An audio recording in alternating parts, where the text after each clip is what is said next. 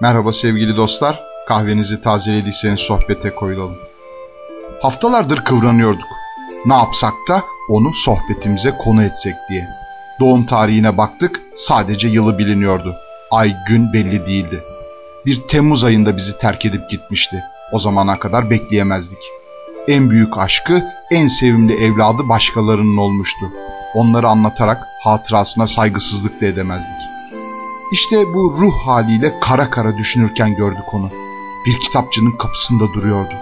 Sadece kenarlarında saç kalmış kafasını öne eğmiş, dünyanın en tatlı gülümsemesiyle gözlüklerin üzerinden bize bakıyordu. Yanı başında oğlu vardı.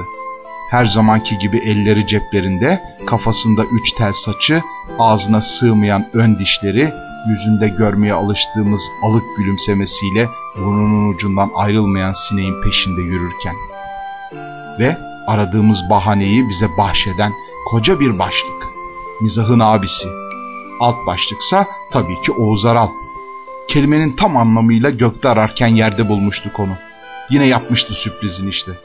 Tabii ya, yıllarca avanak avni tiplemesiyle bize sevdirdiği oğlu Seyit Ali Aral da öyle söylüyor ya o müthiş sürprizleri için.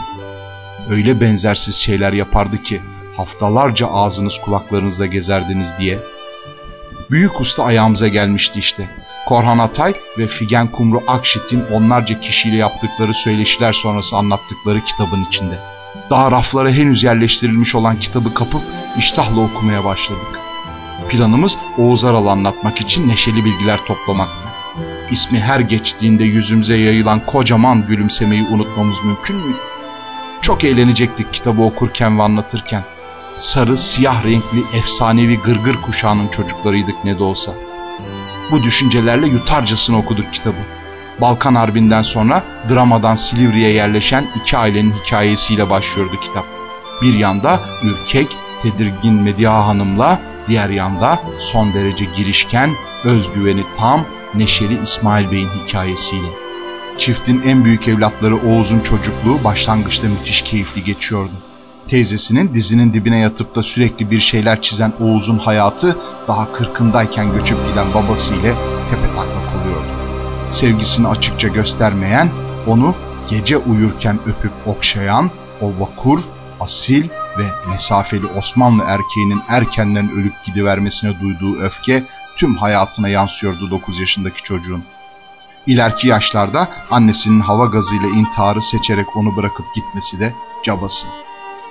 Güzel Sanatlar Akademisi'nde dersin ortasında ilanı aşk ederek evlendiği ilk eşi ve oğlu Seyit Ali'nin tiyatrocu annesi Tolga Aral sırayla sahne alıyordu kitapta. Pantomim gösterileriyle yaptıkları hicivler yüzünden düştüğü mahkemeden biz ağzımızı açmadık ki yazılı bir metnimiz bile yok savunmasıyla nasıl kurtulduğunu öğreniyorduk bir bölümde. Diğerinde ise Müşfik Kenter'le birlikte sahneye koydukları Fadik Kız adlı oyunda Vefa Lisesi Edebiyat öğretmeninin ricasıyla rol verdikleri hayta öğrenci çıkıyor karşımıza. Kemal Sunal. Bir de bakıyoruz ki Rıfat Ilgaz Kenter'le Aral'ın ricasını kıramayıp Hababam sınıfı sınıfta kaldığı yazıyor. Oyunda ağır aksak işiten coğrafya hocası Vakvak Rıza'yı da Oğuz Aral oynuyor. Utanmaz adam Şeref Haktanır'ın karikatürünün bir kira kontratında nasıl da imza yerine geçtiğini hayretle okuyoruz. Sonrasında dünyanın üç büyük mizah dergisinden biri olan Gırgır'a uzanan maceraya sıra geliyor. Ve kitabın sonuna kadar inanılmaz bir resmi geçit başlıyor. İlban Ertemler, Galip Tekinler, Ergün Gündüzler, İrfan Sayarlar, Ramize Ererler, Özden Örükler, Avanak Avniler, Deve Dilaverler, hafiyesi Mahmutlar arasında kimin gerçek, kimin hayal olduğunu şaşırıyoruz. Ama içlerinde dolap dereli Berber Ali'nin 15 yaşındaki karikatür hastası olduğunun hikayesi var ki gözlerimiz dolmadan okuyamıyoruz. Oğuz Aral'ın İstanbul'un soğuğunda kısa pantolona mahkum bu çocuktan nasıl bir cevher çıkarttığını Hasan Kaçan'ın kendisinden okumak derinden sarsıyor bizi.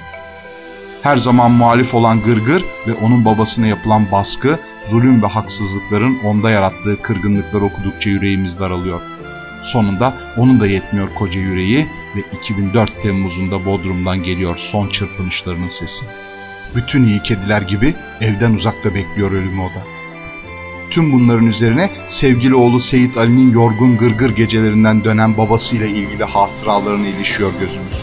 Ve kocaman bir düğüm gelip takılıyor boğazımıza. Babamı ilk hatırladığım andan önce ben babamın kokusunu hatırlıyorum diyor Seyit Ali Aral. Kokusunu ve silüetini çok net hatırlıyorum. Odaya girdiğinde tavandan böyle bir ışık aralığı olurdu. Önce sigara kokusu gelirdi. Ama sigara kokusunun yanında çok tatlı bir rahiya olurdu. Lavanta kokusu. Ona çok yakışırdı bu koku. Hafifçe yatağın üzerine eğildiğini hatırlıyorum. Düz saç telleri vardı. Eğilince saçları aşağı doğru dökülürdü. Çok uzun parmaklı ve yumuşak elleri vardı. Hafifçe başımı okşar, sonra rüzgarda savrulan bir tül gibi odadan süzülürcesine çıkar giderdi. İşte tam da burada kapatıyoruz kitabı. Kitapçıya koşturmak, paramızı geri istemek geçiyor bir an içimizden. Aldatıldık demek istiyoruz. Hani, hani Mizah'ın abisini anlatmıştınız, hani çok gülecektik. Göz ucumuzdaki bu yaşlar da neyin nesi peki? Bir dahaki buluşmamıza kadar kahveniz sıcak, sohbetiniz koyu olsun. Sevgiyle kalın.